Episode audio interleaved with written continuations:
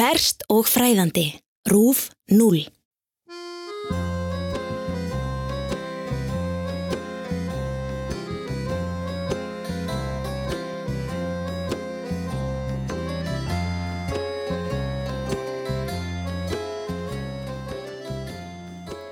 Við veginn sem liggur frá bresku borgin í Birmingham, suðvestur í áttaðbænum Kitterminster, stendur herragarður að nafni Hagley Hall. Þetta er stórefli steinhús í ný pallatískum stíl, umkringt vel hirtum grænum grundum. Sagan segir að það sé reymt á þessum slóðum, að draugur lávarðsins Littleton sem reisti sér þetta ættar óðal á ofanverðri átjánduöld ráfi um húsið og landaregnina þegar rökva tekur og skjóti gestum skelki bringu. Ist í útíaðri landaregnarinnar er svo lítill og snotur en nokkuð einmannalegur skóur, kallaður hagli skóur. Af þessum skói ganga líka ymsar sögur. Það er sagt að þar hafi fyrðulegir yfir náttúrlegir atbyrðir átt sér stað og það er sagt að Nordnir hafi löngum notað skógin fyrir myrkar aðtapnir sínar og gjörninga. Líklega var þó ekkert dularfyllra en það sem átti sér staði í þessum skógi á sunnudegi einum þann 18. april 1943, hvort sem það voru þar Nordnir að verki eða eitthvað þaðan að verra.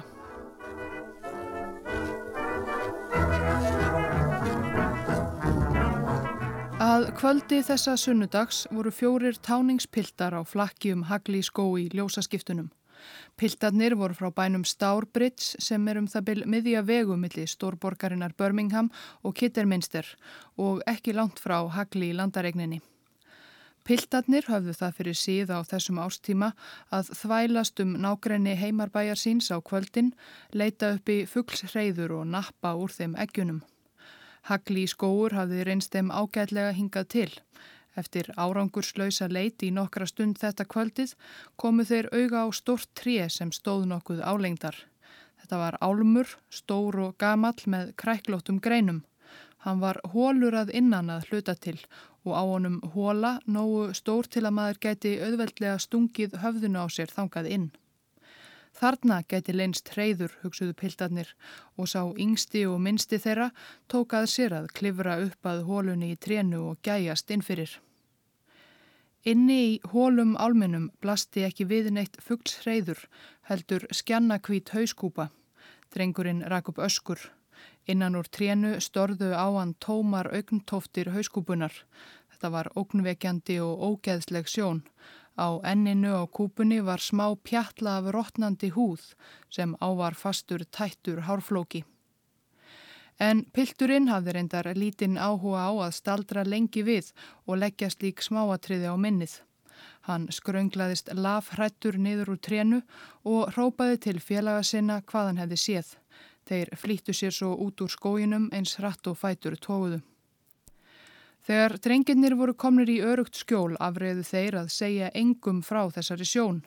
Hvað hafðu þeir líka verið að flækjast þarna í skóginum sentað kvöldi. En yngsti pilturinn, hann gat ekki glemt þessari ræðilegu sjón í trénu og nokkrum dögum síðar sagði hann föður sínum frá því hvað leindist inni í gamla kræklóta álminum í Hagleiskógi. Fadurinn gerði auðvitað lauruglu viðvart og lauruglumenn sem voru kallaðir út að álminum í Hagli skógi, þeir uppgötuðu fljótt að það var ekki bara höfuðkúpa þarna inni í trénu, heldur svo að segja heil beinagrind sem virtist hafa tilheirt ungri konu. Svo að segja heil beinagrind, það sem vakti mestan óhug lauruglumannana sem veittu beinagrind konunar upp úr hóla álminum í Hagli skógi, það var að á hana vantaði aðra höndina. Rannsókn á beinagrindinni leiti í ljós að konan hafi verið á bylinu 35 til 40 ára gömul. Hún var smávaksinn, einungisum 1,50 á hæð með skollitað hár og hún hafi gengið með barn. Hún hafi verið í trénu í um átjánu mánuði. Hún hafi verið myrt, líklega kæfð með gerfi silkiklút sem fannst í mununum á henni. Í nágrenni álmsins fannst gullin ringur og kvennskór úr krepefni og líka smágerð mannabein á víð og dreif. Það voru fingurbein og kjúkur, Höndin sem vantaði á beinagrindina sem einhver eða eitthvað hafði dreift þarna í kringum treð. En hver var hún, konan í álminum? Lauruglumenn fóru í gegnum ótal skýrslur um tíndar og hortnar konur um allt England og víðar og ótal tannlæknaskýrslur frá hverjum einasta tannlækni í Breitlandi í vonum að geta borið kennsla á líkið. En allt kom fyrir ekki, enginn kannadist við konuna. Lauruglunni tókst alls ekki að komast að því hver konan var og rannsóknin fjaraði því út. Flestir höfðu líka um annað að hugsa en dularfullar beinagrindur í hólum trjám. Þetta var árið 1943, setni heimstyrjaldin stóð sem hæst. Í tvö ár höfðu þjóðverjar varpað sprengjum á Birmingham og nágranna bæi og valdið miklum skemdum og þar var engin endir í sjónmáli. Um jólin 1943, meira en hálfu ári eftir að táningarnir í hreyðraleit fundu hauskúpuna í trénu, var þetta mál byrjað að falla í gleimsku.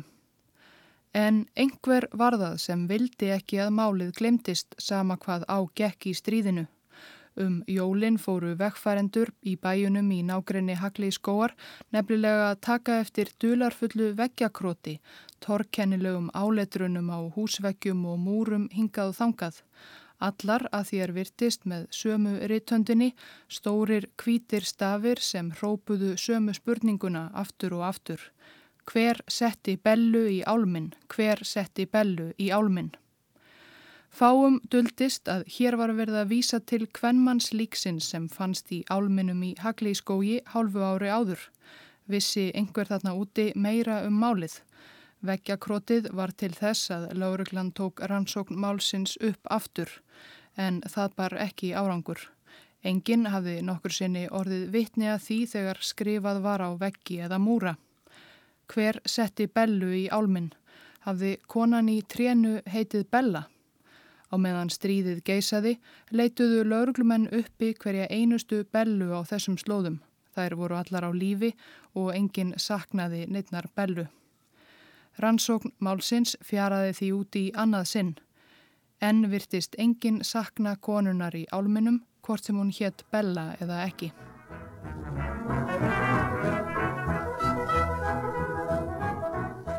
Árin liðu, stríðinu lauk og uppbygging kofst. Ráðgátan um beinagrindina í álminum í Haglískógi fjall aldrei alveg í gleimsku Því enn byrtist veggjakrótið öðru kvoru hingað og þangað um nákrennið með sömu spurningunni hver setti bellu í álminn. Áletarannirnar voru allar með svipaðri réttönd en lauruglan var búin að missa áhuga á málinu. Lauruglumenn yftu bara aukslum og sögðu að áletarannirnar væru vist einhvers konar rekkur eða gapp sem hver veggjakrótarinn apaði upp eftir öðrum án þess að nokkur meining væri þar á bakvið.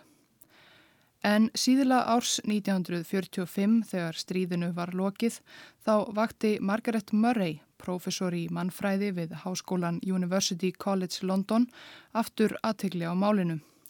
Murray þessi var sérfræðingur í göldrum og heiðinni í Breitlandi og skrifaði fjölda bóka um galdra síði og söpnuði í Breitlandi til forna. Bækur hennar eru í dag mjög umdeldar en á þessum tíma var hún virtur mannfræðingur og því spertumenn eirun þegar hún setti fram kenningu um líkið í álminum í Haglískógi. Það gengu vissulega sögur um það að nortnir hefðust við í skóginum og stunduðu þar einhvers konar myrkraverk. Murray sagði að það sem lauruglumenn höfðu brotið hvað mest heilanum á sínum tíma, það að það vantaði aðra höndina á líkið í álminum, bellu eða hvað hún hétt, Það benti ótvírætt til þess að konan hefði verið fornalamp galdra eða jafnvel galdra aftöku.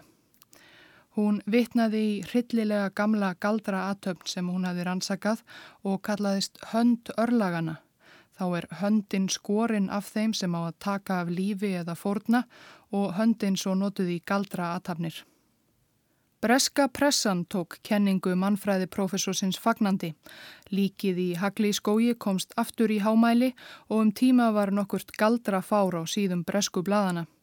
Það bætti ekki úr skák þegar eldri maður fannst látin í þorpi í nákrenni Hagli skóar með heikvísli gegnum kviðin. Það var augljóslega annað dæmi um galdra aftöku, saði Murray. Rannsóknarlaurglumenn frá Skotland Yard í Lundunum sem hafðu tekið við rannsókn málsins á þessu stígi fóru á stúfana og spurðu íbúa í bæjunum og þorpunum í nákrenni skóerins hvort þeir hefðu orðið varir við einhverjar nordnir eða seðkarla á kreiki að undanförnu. En lítið hafðist upp úr þeirri rannsókn. Morðingi gamla mannsins með heikvíslina í gegnum kviðin fannst heldur aldrei. Kanski hafði sá bara mistíð sig og dottið á heikvíslina með þessum hörmulegu afleiðingum og enn loknaðist málið út af.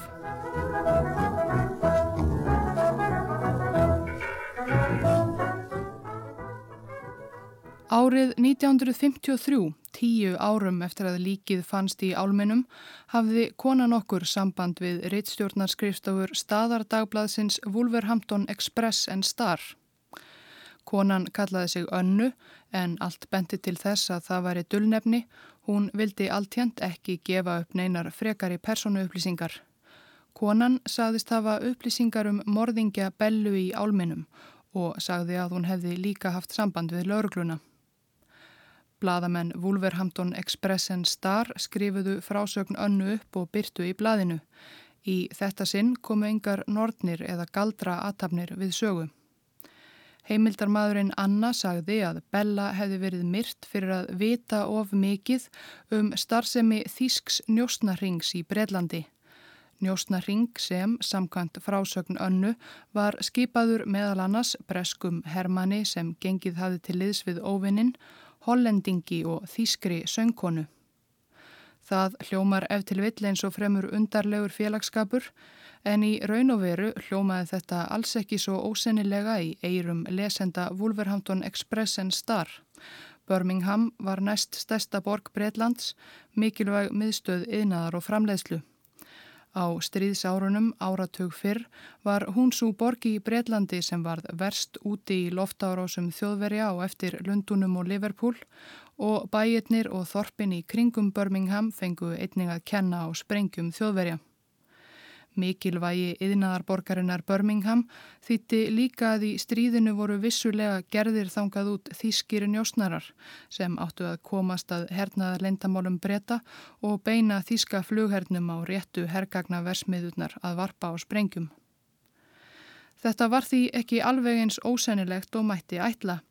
Forvitin almenningur, lesendur Wolverhampton Express and Star voru afar áhuga samir um þessa kenningu Árið var enda 1953. Kaldastríðið var í algleimingi með allri sinni njósna starfsemi og launráðum og fyrsta bók Íans Flemmingum, meistara njósnaran James Bond, var nýlega komin út.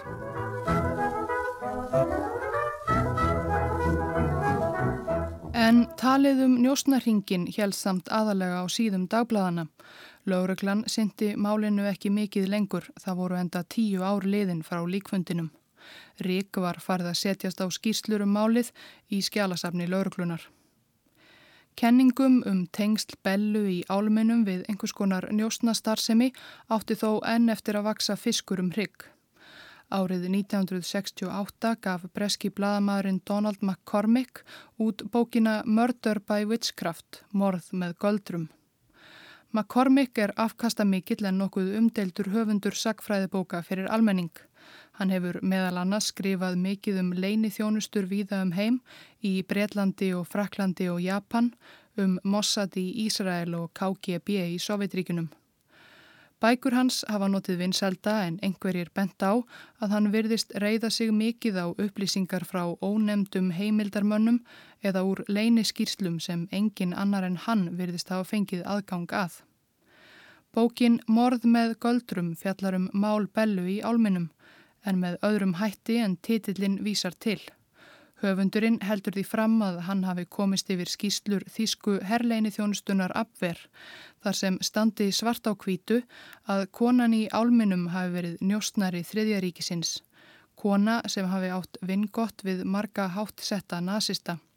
Hún hafi heitið Clarabella, kölluð Clara. Hún hafi stokkið úr fallíf yfir vestanverðum miðhjeriðum Englands árið 1941 en hafi síðan aldrei haft samband við yfirbóðara sína í Þýskalandi. Hún hafi horfið sporlust skömmu eftir komuna til Englands. Þetta var enn einn krassandi kenning en McCormick gætt lítið fært máli sínu til stuðnings.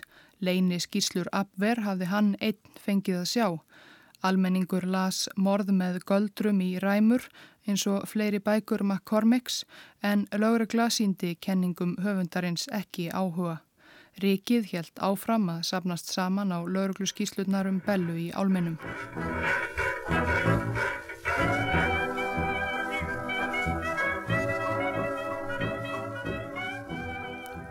Rannsókn lauruglunar var formlega lokið árið 2013, 70 árum eftir að táningspiltarnir fundu líkið í álmennum í Hagleiskógi.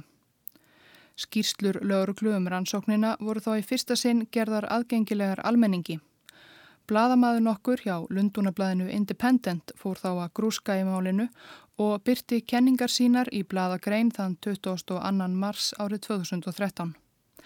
Er þetta bella í álminum hljóðar fyrirsögnin sem trónar yfir nokkuð óskýri gamalli ljósmynd af laglegri ungri konu í doppbótum kjól með perlufesti og uppsett hár og nokkuð limskulegt bros á vörum. Blaðamaður Independent aði kynnt sér allar helstu kenningar í málinu, borið þær saman við laurugluskíslurnar og það sem var líklega mikilvægast af öllu, tengt allar þær upplýsingar við enn önnur gögn sem voru einnig einungi snílega orðin aðgengileg. Það voru leini skýrslur bresku leinithjónustunar MI5 frá stríðsárunum sem margar hverjar eru nú öllum opnar á breska þjóðskjálasafninu í Lundunum. Í janúar 1941 yfirheyrðu starfsmenn MI5 mann að nafni Jósef Jakobs í höfustöðum leinithjónustunar í gamalli fangelsisbyggingu frá Viktoríu tímanum í Lundunum. Jósef Jakobs var þýskur ríkisborgari fættur í Luxemburg.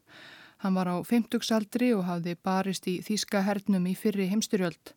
Eftir stríðið hafði hann lært og stundað tannlækningar en þegar setna stríðið brast út hafði hann verið kallaður í herin á nýjanleik og gengið til liðs við Abver, þýsku herleini þjónustuna. Hann hafði setið námskeið í hlerunum og fjarskiptatækni í Hag í Hollandi og var síðan sendur til England sem borði þýskri sprenguflúvel. Hann átti að stökka úr flúvelin í fallífi yfir Cambridge en hann hafði ekki fengið þjálfun í fallífarstökki svo honum hlektist á í lendingunni og braut á sér öklan. Hann var því auðveld bráð þegar liðsmenn breska heimavarnarliðsins eldu hann uppi á kartöbluakri skamt suðu vestur af Cambridge og tóku hann höndum. Ljósmyndin sem fyldi greininni í Independentum bellu í álminum var eitt af örfáum personulegum munum sem Jakobs var með á sér þegar hann var handekinn á samt Máser Skambissu um 500 breskum pundum, fölsuðum skilríkjum, útvarsendi og einni spæjipilsu. Þessi mynd af konunni í doppbóta kjólnum með limskulega brosið var tekin af honum og hún er enn geimt með yfirheyslu skýrslum á breska þjóðskjálsafninu. Það er áletrun aftan á myndinni, þar er skrifað með snirtilegri tengiskrift. Landá, júli 1940 Ástin mín, ég elska þig að eilífu. Þín Klara. Klara þessi var unnusta Jakobs, sagði hann MI5 mönnunum. Hún hétt fullunafni Klara Bauer og var þýsk leikona og kabarettsönguna. Þau höfðu kynst í Hamburg skömmu eftir að heimstyrjöldin hófst. Þar hafði Klara sungið með stórsveit fiðluleikarans og hljómsveitastjórans Bernards Ette en tónlist þeirrar sveitar hefur einmitt hljómað hér í þættinum og hún kom reglulega fram á dansstaðnum Kaffe Dræjar. Þángað vöndu margir óbreyttir herrmenn og sömuleiðis yfirmenn í hernum og nazistafloknum komur sínar á kvöldin. Ófáir þeirra heitluðust af þessari fallegu söngkonu með limskulega brosið Klöru Báerl og hún átti vingott við nokkra hátt setta nazista. Svo vináta hafði endað með því að Klara var eins og Jakobs sjálfur fenginn til að njóstna fyrir þriðjaríkið í stríðinu. Hún var vel til þess fallin. Klara Bauer hafði ekki einungis starfað í Hamburg. Á millistriðsárunum hafði hún einnig dvalið um tíma í Breitlandi og sungið í leikúsum og tónleikasölum í Birmingham og nágrannabæjum. Hún talaði reybrennandi ensku með ljómandi samfærandi Birmingham hreim fullirti Jósef Jakobs í yfirheyslum sínum hjá MI5. Fyrirmæli Klöru Báerl voru að fylgja á hæla Jakobs, hún átti að stökka ár fallíf yfir ensku sveitunum og halda svo huldu höfði þar til Jakobs hefði samband. En Jakobs hafði aldrei samband því hann var sem sé tekin höndum um leið og hann lendi. Hann vissi því alls ekkert hvað um hana hefði orðið. Við eftirgrenslan MI5 manna virtist frásögn Jósef Jakobs af konunni á myndinni stemma. Söngkonan Clara Bauerl var vissulega til. Hún hafði fæðist í Stuttgart árið 1906 og því verið 35 ára gömul þegar þarna var komið sögu og hún hafði vissulega sungið með stórsveitum bæði í Birmingham millistíðsárana og Hamburg nazismans. Eða öllu heldur mætti orðaða svo að MI5 mennir hafi komist að því að söngkonan Clara Bauer hefði verið til. Því ekkert virtist hafa spurst til hennar frá árinu 1941. Hún virtist engar gramofónplötur hafa gefið út síðan þá og hverki hafa komið fram á tónleikum. Hún virtist raunar einfallega hafa gufað upp. Tilraunir Bladamanns Independent til að finna einhver ummerki um söngkonuna Klöru Báerl eftir 1941 gengu heldur ekki. Frásögn Jósef Jakobs rýmaði óneitanlega nokkuð við helstu kenningar í máli Bellu í álminum. Hinn dularfulla Anna sem hafði haft samband við staðarbladið Wolverhampton Express and Star hafði líst þýskum njósnaring sem ívar meðal annars kabarettsöngvari, já eða söngkona. Og rítumundurinn umdeldi Donald McCormick Í leini skýrslum Þísku herleini þjónustunar hafði hann komist á snóðir um njósnaran Klörubellu sem þekkti hátt setta nazista og átti að stökva ár fallíf yfir Birmingham árið 1941. Clarabella, Clara Bauerl, gæti ekki verið að þetta sé afbökun á sama nafninu að Clara Bauerl gæti kannski hafa hljómað eins og Clarabella Já, kannski í eirum breskra tónleikagesta í tónleikasölum Birmingham á millistíðsárunum þar sem Clara Bauer mun hafa komið fram. Og gæti Clara Bella síðan smátt og smátt hafa orðið einfallega Bella, Bella í álminum. Kannski tókst bladamanni Independent það sem engum hafi tekist áður að bera kennsla á hvernmannslíkið í álminum í Haglískógi. Kanski var það þýska kabarett-söngkonan Clara Bauer. En við vitum þó enn ekkert um það hvernig hún endaði þarna inni í trénu, hver varð henni að bana og hver hjóaf henni aðra höndina og dreifði fingur beinunum í kringum tréð.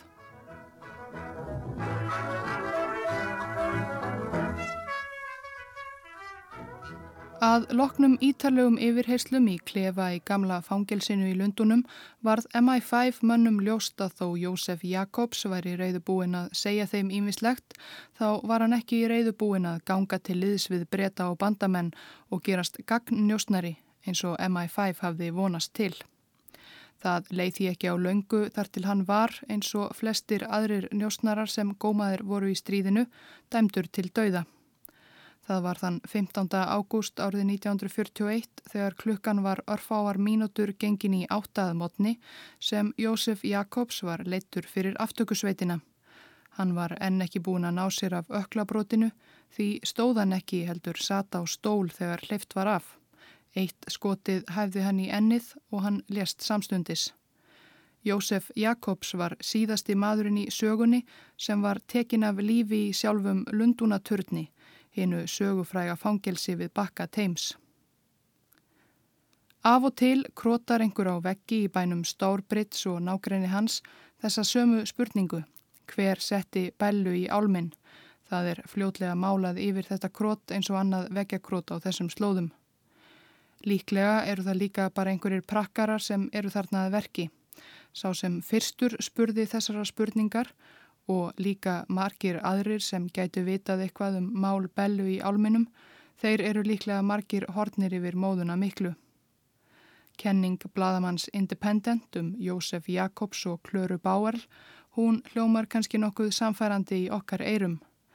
En bladamæðurinn bendir reyndar sjálfur á að afar ólíklegt sé að hægt verði að bera óíkjandi kennsla og bellu í álminum úr þessu. Það er alltjent engin leið að gera frekari rannsóknir á líkamsleifum hennar eða DNA rannsókn. Þegar búið var að gera allar hugsanlega rannsóknir á beinunum sem föndust í álminum á sínum tíma voru þau grafin í kirkugarði í nágrenni Stárbrits í ómertri gröf. Engin virðist hafa áttað sig á því að skrá hvar beinin væru grafin og það hefur fallið í gleimsku. Þegar loka skýrsla lauruglunar var rétuð árið 2013 játuðu lauruglumenn að þeir höfðu enga hugmynd hvar eða í hvaða kirkjugarði beinin væru grafin. Þau ómetanlegu sönunagögn eru því horfin. En það eru eftir vil hæfileg örlög fyrir jarðneskar leifar konunar sem Engin veit hver grandaði, engin veit hver er og engin saknaði. und genau all unsere Wünsche ein und keine andere Frau hat im Herzen mehr Platz. Wer darauf verzichten will, der tut mir wirklich leid. Ich weiß, manche denkt sich still, hätte ich erst einen Mann so weit. Ach, die Männer sind schon die Liebe wert. Wer nicht so denkt, denkt bestimmt verkehrt.